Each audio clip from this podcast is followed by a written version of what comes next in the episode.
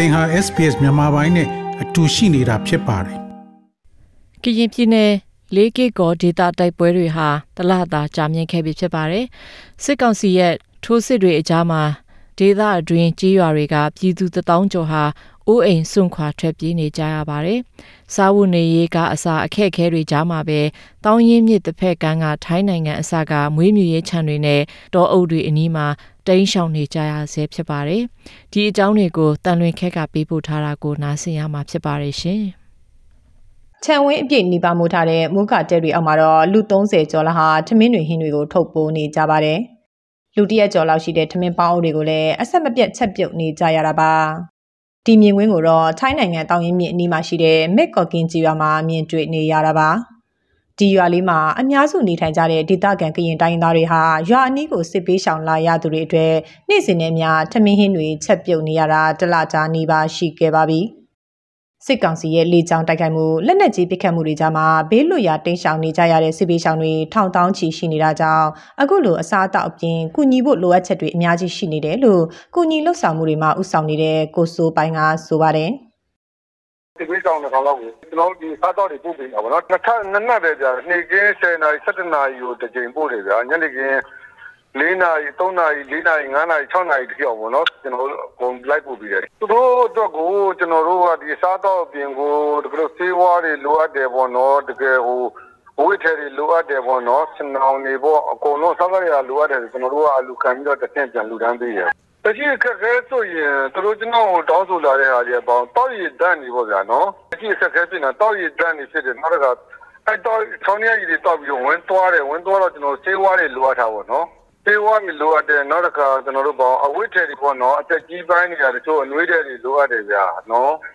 နောက်တစ်ခါတချို့ကမိုးလေးတွေလိုအပ်တယ်ဗျာဒီကစားတော့ကတော့အားလုံးစင်ပြီးပါတယ်တွေ့ရမြင်ရတာတွေကတချို့ဆိုရင် ပိန်ပြီးတော့ဘယ်လိုပြောမလဲဆိုတော့လူတွေကမြေကြီးပေါ်မှာအဲ့ရတော့ခါနာတာတွေဖြစ်လာတယ်။တက်ဒီပိုင်းတွေဆိုပို့ဆိုးလာတယ်။တက်ငယ်တဲ့ゼロ40ကျော်50ကျော်မှခါနာပါပြီခါနာတွေပါပြီသူဖြစ်လာတယ်ပြောလာတယ်ဒီကခက်ခဲတွေကညတူရတာတော်လေးစင်ခေါင်းပြင်းကြတယ် ဒီလိုအခက်အခဲတွေကြားမှာထိုင်းနိုင်ငံဘက်ကျမ်းမှာရှိတဲ့မဲကော်ကင်မဲတောင်ကန်နဲ့နှစ်ချံစတဲ့နေရာတွေမှာစစ်ပေးရှောင်နေရသူတွေမြန်မာဘက်ကျမ်းကတောင်ရင်မြစ်ဘေးတော်တွင်တွေမှာခုတ်လုံနေရသူတွေနဲ့ဘေးလွတ်ရာကိုအိုးအိမ်စွန့်ခွာထွက်ပြေးရသူအရေအတွက်ဟာ12000ကျော်ထိရှိနေပါတယ်။ဒီရေအတွက်ဟာပြီးခဲ့တဲ့နှစ်ဒီဇင်ဘာ15ရက်တိုက်ပွဲကစလို့စတင်တိတ်ရှောင်ခဲ့ရတဲ့မဲထော်တလီထိမဲဝါခီလေးကေကောဖလူလေးဖလူကြီးနဲ့မင်းလက်ပံအပါအဝင်ရွာပေါင်း10ရွာလောက်ကဒေတာကန်ပြည်သူတွေဖြစ်ပါတယ်။ တိုက်ပွဲတွေဖြစ်ဆံမှာတော့နိဆက်ရာဒေတာတွင်ဖျားကြောင်တွေစတင်ကြောင်တွေနဲ့ယာယီစစ်ဆောင်စခန်းတွေမှာစစ်ပေးဆောင်တွေကိုနေရာချထားပေးခဲ့ကြပေမဲ့လည်းစစ်ကောင်စီကအင်အားသုံးထိုးစစ်ဆင်လာတာကြောင့်ထိုင်းနိုင်ငံဘက်ခြမ်းအထိနေဆက်ဖြတ်ကျော်ထွက်ပြေးတိမ်းရှောင်ခဲ့ကြရတာပါနေရောညပါပြစ်ခတ်မှုတွေကြောင့်အခက်အခဲတွေအများကြီးခြားကနေတိမ်းရှောင်ခဲ့ရတယ်လို့စစ်ရှောင်ခဲ့ရတဲ့အမျိုးသမီးတူကဆိုပါတယ်။အားရင်းတွေ ကုန်ခန်းနေပြီလေဟောတော့ကြောက်ကြောက်လက်လက်နဲ့ဟိုပြေးလို့သာပြေးနေရတယ်အမှောင်ထဲမှာခါစမ်းတော်မှာကမ်းမမြင်လမ်းမမြင်အဲ့ဒါမှအဲ့ဒါမှတကယ်ကမ်းမမြင်လမ်းမမြင်ဘာမှမသိပဲရှေ့ဆက်သွားရင်မဘာလဲကြောက်လားတောင်လားအစင်းလားတက်လာတော့မမြင်ရတဲ့အချိန်တွေမှာအဲ့လိုပဲစမ်းစမ်းစမ်းစမ်းစမ်းအတန်လည်းမထွက်ရအောင်မီးလည်းမထိုးရအောင်အဲ့မှာအဲ့ဒီအချိန်မှာလာမရမဟုတ်တော့အဲ့အဲ့ဒီလာရောင်လေးနဲ့ရှိနေလို့တော်သေးတာပေါ့အဲ့လိုပဲသွားသွားသွားသွားရောက်ပြီဆိုတော့မှရောက်တော့ပေါ့ရောက်တော့ဘယ်လိုနေရအောင်ရောက်ပြီးတော့ဘာလို့ဆက်နေရမှလည်းမသိဘူးအဲ့တော့ အဲ့လိုမျိုးပြေပန်းပြီးတော့ဟိုတယ်နော်စိတ်ကိုအော်ဒီနေရာရောက်လာပြီလွတ်လပ်တဲ့နေရာနည်းနည်းဟိုလက်နဲ့ကြားနေပြီးတော့လွတ်လာပြီဆိုတော့စိတ်ကိုချလိုက်တာနဲ့အညာထမနိုင်တော့အထမနိုင်တော့ကာရမဟိုတယ်အစားအသောက်ကလည်းစားလို့မရပြီးရေတွေပါတွေကလည်းဟိုတယ်ဦးလေရေတွေပါတွေမတန့်လာလည်းပါတာပေါ့အဲ့ဒါနဲ့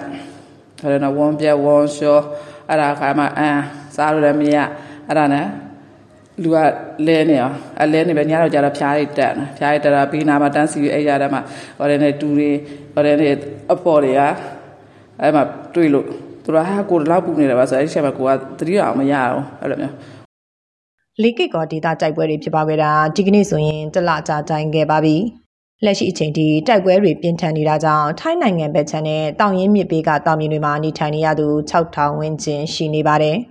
ဒီတဲကတဝက်ကျော်ဟာကလေးတငယ်တွေနဲ့တက်ကြီးရွယ်အိုတွေဖြစ်တယ်လို့ကုညီလှုပ်ဆောင်ပေးနေသူတွေထံကသိရပါတယ်။ထိုင်းနိုင်ငံဘက်ခြမ်းကစစ်ပေးရှောင်လာရတဲ့ပြည်သူတွေစားတောက်ဖို့အတွက်မဲဆောက်ကိုရောက်နေတဲ့ရွှေ့ပြောင်းအလုပ်သမားတွေကကုညီမှုတွေလှုပ်ဆောင်နေကြပါတယ်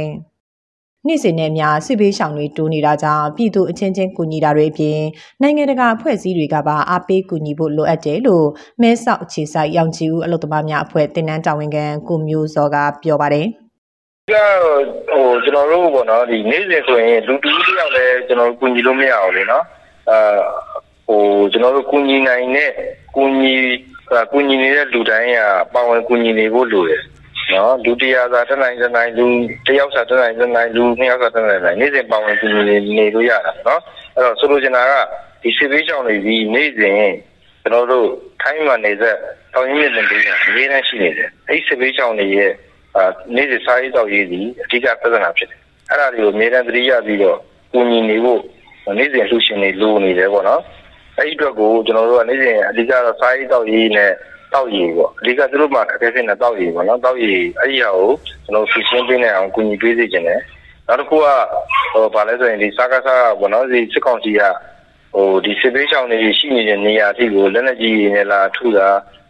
နောက်တစ်ခုကဒီလေရင်နဲ့လာပြီးပြစ်ခတ်တာတွေပါရှိလာတယ်ပေါ့နော်အဲ့ဒီတော့စစ်ပေးချောင်းပြည်သူတွေအတွက်တကယ်တကယ်ကတော့ကျွန်တော်တို့ဟိုတတိပုဂ္ဂလကူညီနေတဲ့လူတွေကျက်ဆိုင်နိုင်ငံတကာတိုင်းဝမ်ရလည်းဒီတို့ပေါ်မှာစောင့်ကြည့်ပြီးတော့ဒီစစ်ပေးဆောင်ပြည်သူတွေအတွက်ကိုသုံးရကူညီပေးနိုင်တဲ့အနေအထားအတိုင်းအတာတွေရှိရဆိုရင်ကူညီပေးစေချင်တယ်ပေါ့နော်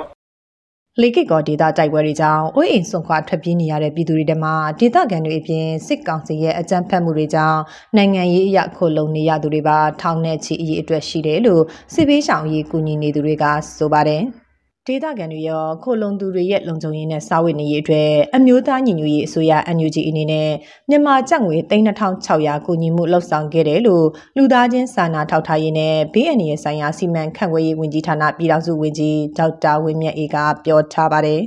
။ဒါပေမဲ့လည်းစစ်ကောင်စီရဲ့ဖိနှိပ်မှုတွေကြောင့်ငွေကြေးစီးဆင်းမှုအခက်အခဲတွေကိုတွေ့ကြုံခဲ့ရတယ်လို့သူကဆိုပါတယ်။စစ်ပွဲကြောင့်ထွက်ပြေးတိမ်းရှောင်ရတဲ့ အရက်သားပြည်သူတွေကိုစစ်တပ်ရဲ့လက်ဆွဲဖြူဟာဖြစ်တဲ့အဲဖြတ်လေးဖြတ်နီလန်းနဲ့လည်းစစ်ခင်းနေတယ်လို့ပြောလို့ရတယ်။ဘာကြောင့်လဲဆိုတော့တိုက်ပွဲရှောင်တွေမှာလိုအပ်ချက်တွေကတအားများတယ်။ဒါပေမဲ့အဲ့ဒီအရာတွေကိုထောက်ပံ့ကူညီနေတဲ့သူတွေကိုလည်းအဟန့်အနှောက်အယှက်တွေလုပ်တယ်။အခုရက်ပိုင်းမှာပဲမင်းတက်ကကိုတူကိုဒစေယုံကိုဝင်ရောက်ဖျက်ဆီးတာတွေနောက်ချိကိုက်တန်ရရတဲ့ ရတဲ့သူတွေမကြမ်းကျမ်းမာရေးမကောင်းတဲ့အရက်သားပြည်သူတွေကိုစေကူတာဝင်မရအောင်လုပ်တာတွေအဲ့လိုပဲကရားပြည်နယ်ကရင်ပြည်နယ်ချင်းပြည်နယ်စတဲ့ဒေသတွေမှာလည်းစစ်ဆောင်ပြည်သူတွေကိုပြည်သူတွေကနေပြီးတော့လူသားချင်းစာနာမှုအကူအညီတွေပေးခွင့်မရအောင်တားဆီးတာတွေတစ်ချိန်တည်းမှာပဲပြည်တွင်းကထောက်ပံ့နေတဲ့လူတွေကိုလည်းပြစ်မှတ်ထားပြီးတော့ဖန်စီတက်ဖြတ်တာတွေအဖွဲ့အစည်းသီးသီးနဲ့စေတနာရှင်ပြည်သူတွေကလှူဒန်းထားတဲ့အဲအကူအညီတွေကိုပါဖျက်ဆီးတာတွေဒါတွေကဘယ်တုန်းကမှမကြားဘူးတဲ့လူရက်တွေဖြစ်တယ်အဲ့တော့စစ်ကောင်စီလက်အောက်မှာရှိနေတဲ့ နောက်တစ်ခုဒါအရေးကြီးတဲ့အချက်ပေါ့နော်စစ်ကောင်စီလက်အောက်မှာရှိတဲ့လူသားချင်းစာနာကူညီမှုလုပ်ငန်းလုပ်ဖို့တာဝန်ရှိဆုံးဝန်ကြီးဌာနတွေဒါစစ်ကောင်စီလက်အောက်မှာအခုလုပ်နေတဲ့ဌာနကိုပြောတာအဲ့ဒီဌာနတွေကစစ်ဘေးရှောင်တွေကိုထောက်ပံ့မပေးဖို့တားမြစ်ထားတယ်ဆိုတဲ့သတင်းတွေလည်းကျွန်တော်ကြားရတယ်အမတန်အောင်အဆက်ကောင်းတယ်ဆိုလိုတာကတော့စစ်ကောင်စီတပ်ဖွဲ့ရဲ့တပ်သားတွေကမကဘဲနဲ့အရက်ဖက်ဌာနဆိုင်ရာတွေကပါဒစိတ်ထဲတဝမ်းနဲ့ပူပေါင်းပြီးပြည်သူကိုဒုက္ခခံစားအောင်လုပ်နေတယ်ဆိုတာပေါ်လွင်တယ် လီကီကောဒေတာအပါအဝင်နိုင်ငံရဲ့ဒေတာအသီးသီးကစစ်ပေးဆောင်နေရေးကူညီလှုပ်ဆောင်နေသူတွေကိုဖမ်းဆီးတာဘဏ်အကောင့်တွေကိုပိတ်သိမ်းတာတွေစစ်ကောင်စီကလှုပ်ဆောင်ခဲ့ပါတယ်။ထိုးစစ်စင်ရလန်တလျှောက်မှာရှိတဲ့ရွာအသီးသီးရှိစေးဆိုင်တွေကပစ္စည်းတွေနေအိမ်တွေကအစားအသောက်အပါအဝင်ပြည်သူပိုင်ပစ္စည်းတွေကိုယူဆောင်တာဖျက်ဆီးမိရှို့တာတွေကိုဇက်တိုက်ဆိုသလိုလှုပ်ဆောင်ခဲ့တယ်လို့ဒေတာကန်အများစုကပြောပါတယ်။ ဒီလိုမြင်တွေ့နေရတဲ့စစ်ကောင်စီရဲ့ကျူးလွန်မှုတွေကိုနိုင်ငံတကာအဖွဲ့အစည်းတွေကပါစီစစ်ပိတ်ဆို့လှုပ်ဆောင်တင်တယ်လို့ဒေါက်တာဝင်းမြတ်အေးကပြောပါတယ်ခုလိုစစ်ကောင်စီရဲ့အယက်သားပြည်သူတွေပေါ်ပြစ်မှတ်ထားကျူးလွန်နေတာတွေကိုနိုင်ငံတကာကလည်းသဘောပေါက်ဖို့လိုတယ်လူသားချင်းစာနာမှုအကူအညီပေးဖို့ဆိုတဲ့ခေါင်းစဉ်နဲ့စစ်ကောင်စီနဲ့ပူးပေါင်းဖို့လှုံ့ဆော်နေကြတဲ့နိုင်ငံတကာအဖွဲ့အစည်းတွေအနေနဲ့လည်းလက်ရှိအခြေအနေကိုသဘောပေါက်နားလည်ဖို့လိုတယ် စစ်ကောင်စီကိုဘလို့ယုံကြည်ပြီးပူးပေါင်းကျင်ကြတာလဲလို့လည်းကျွန်တော်အနေနဲ့မေးခွန်းထုတ်ချင်တယ်နောက်ထပ်နိုင်ငံတကာကိုပြောချင်တာကတော့ justice delay is justice deny ဖြစ်တယ်ဆိုလိုတဲ့အဓိပ္ပာယ်ကလူအဖွဲ့အစည်းပေါ်မှာကျူးလွန်တဲ့ပြစ်မှုတွေအတွက်တရားမျှတမှုကိုအချိန်မီရယူမပေးနိုင်လို့ရှိရင်တရားမျှတမှုကြဆုံးခြင်းပဲဖြစ်တယ်အဲ့တော့နိုင်ငံတကာလူသားချင်းစာနာမှုအကူအညီတွေအရေးယူမှုတွေပေးအပ်ဖို့ကြံ့ကြာလေလေပြည်သူလူထုဒုက္ခအမျိုးမျိုးကိုခံစားရလေ ဆိုတာကိုလက်ခံသဘောပေါက်ဖို့လိုတယ်နိုင်ငံတကာကအဲ့တော့ပြည်သူလူထုအတွက်ပြက်ကွက်မှုတွေကလူအဖွဲ့အစည်းရဲ့ပြက်ကွက်မှုတွေအနေနဲ့ကျွန်တော်တို့ရဲ့သမိုင်းကိုအကြီးတန်းအယုတ်ဆိုးအောင်မလုပ်သင့်ဘူးလို့ထပ်လောင်းပြောကြလိုပါခင်ဗျာပြည်တွင်းစစ်ပွဲတွေရဲ့ဆယ်စုနှစ်များစွာတိုက်ပွဲတွေကြားမှာကရင်ပြည်နယ်ဒေသခံတွေဟာထိုင်းနိုင်ငံအတွင်းကစစ်ရှောင်းစခန်းမှာတောင်းနဲ့ချီခိုလုံခဲ့ကြရတာပါသူတို့တွေနေရမပြန်နိုင်ကြသလိုလက်ရှိအချိန်မှာလည်းဒေသခံတွေထပ်မံစစ်ပေးရှောင်ခဲ့ကြရပါပြီ ဒါပေမဲ့လည်းစစ်ပေးရှောင်ပြည်သူတွေကတော့စားဝတ်နေရေးကအစအခက်ခဲတွေအများကြီးရှိနေတဲ့ကြားကနေလုံခြုံစိတ်ချရတဲ့အိမ်ပြန်ချိန်ခီးကိုမျှော်လင့်နေကြစေပါဒီသတင်းဆောင်မကိုတန်လွင်ခက်ကပေးပို့ထားတာဖြစ်ပါတယ်